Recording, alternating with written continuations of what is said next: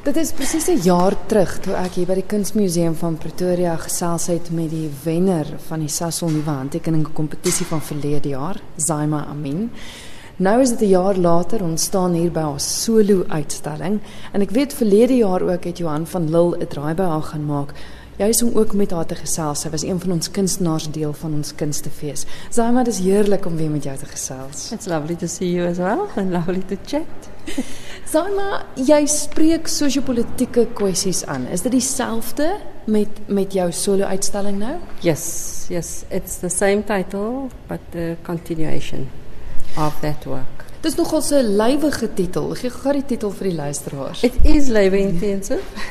I think it's part of the concept. It says um, ordinary people with real objects, and it goes beyond that. And it says that it is in partisan, which means together, with the garment workers of the Western, Western Cape. So I'm working with them. It's their, their part of the work in terms of the overalls that was used, their overalls used to make paper for some of the artworks. Kom ons begin sommer daar. Dit is papier, handgemaakte papier soos jy nou gesê het, maar dit kom van die overalls waarin hulle gewerk het en dit verduidelik eintlik ook ek wil sê wat met hulle gebeur eintlik die dag as hulle nie meer werk nie. Yes, then so this work speaks to the work over here, which is called resilience. So the uh, works fiber, marker, and yarn speaks about. But paper was handmade, and when you they make cotton paper, you have to put it through um, quite a vigorous uh, process, which is, involves caustic soda, and it's quite toxic. That is a metaphor for the era that I come from, the apartheid era, and the and the era that the women who also work in the industry come from is why they are here working in this industry still today. So that's why I made the paper. You know, Jy het nou verwys na die werk resilience wat hier in die middel staan. Dit is dis die tafeltjies waarop die werkers staan met die masjiene met so 'n lang strook van materiaal. Resilience het die woord het jy baie interessant opgebreek. Ja. Wat wat dui ook op die woord silence. that's right. So this work particularly speaks. In in, in a factory, there's a lot of noise. Within that noise, the people are silent in the way that they work because you only have to focus on your work. You have to produce. Mm-hmm. So the word resilience speaks about the women who are so resilient in working in this industry, yet they are silent when working within a very noisy environment. So I'm playing on that word and I'm playing with what happens at the time. So Maar daai stilte wys dit nie ook na die feit dat hulle deur soveel moet gaan eh, die werkgewer dat hulle teenoor hulle ook moet stil bly nie. Exactly. nie? Ja. And that's the only, the only time you hear about the worker is really when there's an uprising, a protest, and so on. But other than that, they remain silent and almost, like I would say, below the radar. You don't really see. But yet we all wear clothes every single day. We all have to, you know, keep ourselves warm, dress ourselves up. But there's this group of people we don't sit, seem to recognize or remember or think about. And maybe, and that's the aim of this body of work, is to bring, to highlight those women who sit behind a sewing machine, backbreaking every single day. And I'm, from my own experience, a lot of women enter the industry because they have a lower education. Mm. They come from that system that they were never really meant to be critical thinkers and therefore they became workers and remain workers. So in the, in the work resilience, I'm also speaking about when you enter the factory at the age of maybe 16, you leave the factory at the end of your sort of working life with very little money, probably a state pension. But the other thing that I'm also saying is that the, the lady who becomes an overlocker, she will overlock for her entire career, sewing career, Ja. or a buttonhole maker, or a zip, you know, sitting filling in zips because En dis dit sy al dit is al wat sy doen. that's all she does because remember that she comes into the factory not knowing a lot in terms of the, what the industry asks for, but she's there to produce. She's not there to learn new skills. So production is the most important thing in a factory. So it's that whole thing that that repetitiveness that I'm speaking about, and that takes me to the work that I have over here, which I call runner.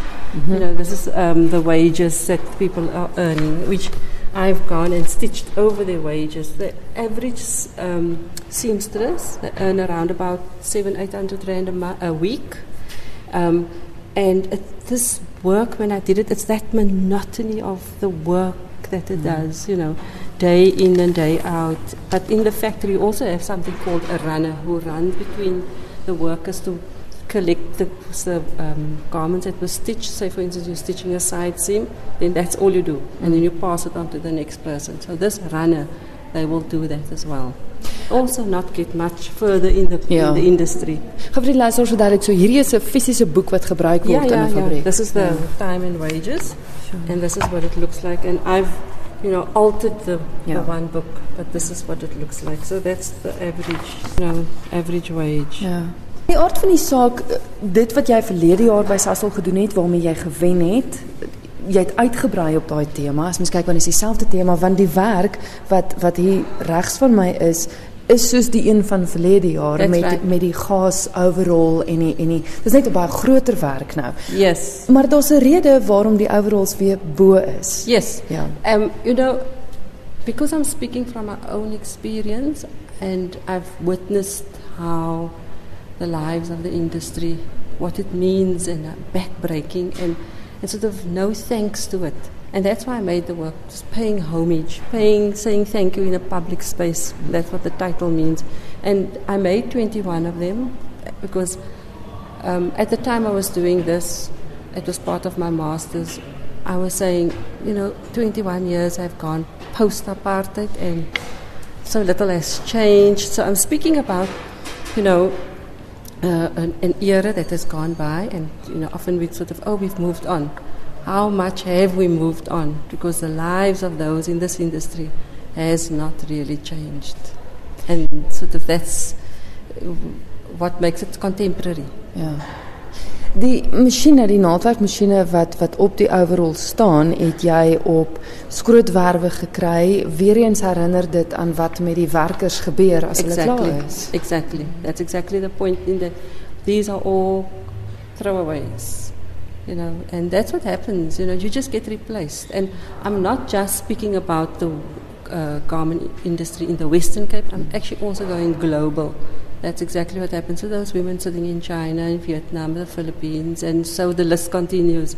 So it is a global issue, um, and the aim of the work is has multiple facets. It's that speaking about exploitation, speaking about lack of education, speaking about, you know, the the feminist side of things. That this is women who make such an, a huge difference and yet not recognized. And then again, you know, the paying homage is the other part.